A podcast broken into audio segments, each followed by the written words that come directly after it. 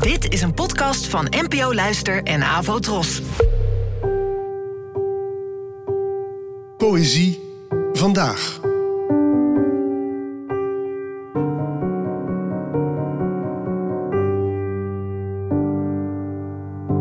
Hallo, dankjewel dat je luistert.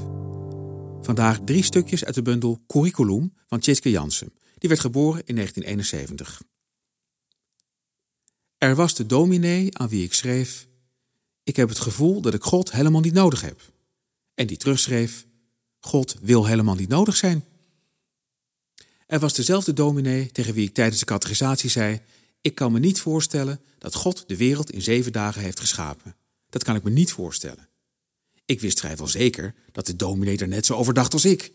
Dat je die zeven dagen niet letterlijk moest opvatten, dat je die symbolisch moest zien. Maar ik wilde graag dat hij dat hardop zei, want dat had hij nog niet gedaan en de anderen moesten het ook horen. Ik hielp hem als het ware met mijn stelling. U hoeft alleen nog aan te vullen: natuurlijk heeft God de wereld niet in zeven dagen geschapen, dat moet je anders zien. Maar dat zei hij niet. Hij zei: Gelukkig hangt de schepping niet af van jouw voorstellingsvermogen. Er was een helderziende vrouw die me aanraadde een anti-aanbakpan te kopen. Dat zou me veel tijd besparen. Dichters willen het liever niet horen, maar er zijn nog altijd lezers die zich afvragen wat er nou eigenlijk precies waar is van hun gedichten vol liefde en verlies, en of ze nu wel of niet samenvallen met de ik in hun gedichten. Natuurlijk is het makkelijk om daar een smalend antwoord op te geven. Dat komt omdat er een kern van gevaar in zit om een kunstenaar gelijk te stellen aan wat hij maakt. Er zijn heel wat schrijvers met controversiële thema's in grote problemen gekomen door mensen die de maker en het werk klakkeloos aan elkaar gelijkstellen. Het is natuurlijk ook onzin.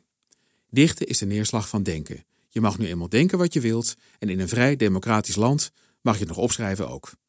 Stephen King heeft geen kelder vol gemutileerde lijken nodig om zijn boeken te kunnen schrijven.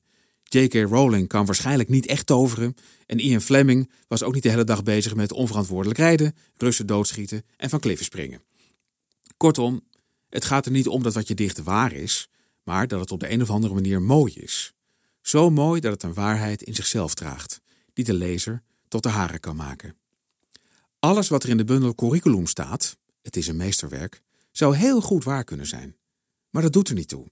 Het gaat erom dat je het kunt lezen en invoelen en erover nadenken wat die combinatie van grote thema's, aardse zaken en een groot gevoel voor humor voor je eigen leven kunnen betekenen. Dat de kunst van leven niet of nauwelijks ligt in het zoeken naar antwoorden op de grote vragen van het leven, maar ook in het aanschaffen van een anti-aanbakpan. Zeker als een helderziende vrouw dit nuchtere advies in haar glazen bol ziet. Dat er eigenlijk geen verschil is tussen die zaken, dat je ze op dezelfde manier zou kunnen benaderen. De schepping hangt immers niet af van jouw voorstellingsvermogen. Bedankt voor het luisteren en tot de volgende keer. Afro Tros, de omroep voor ons.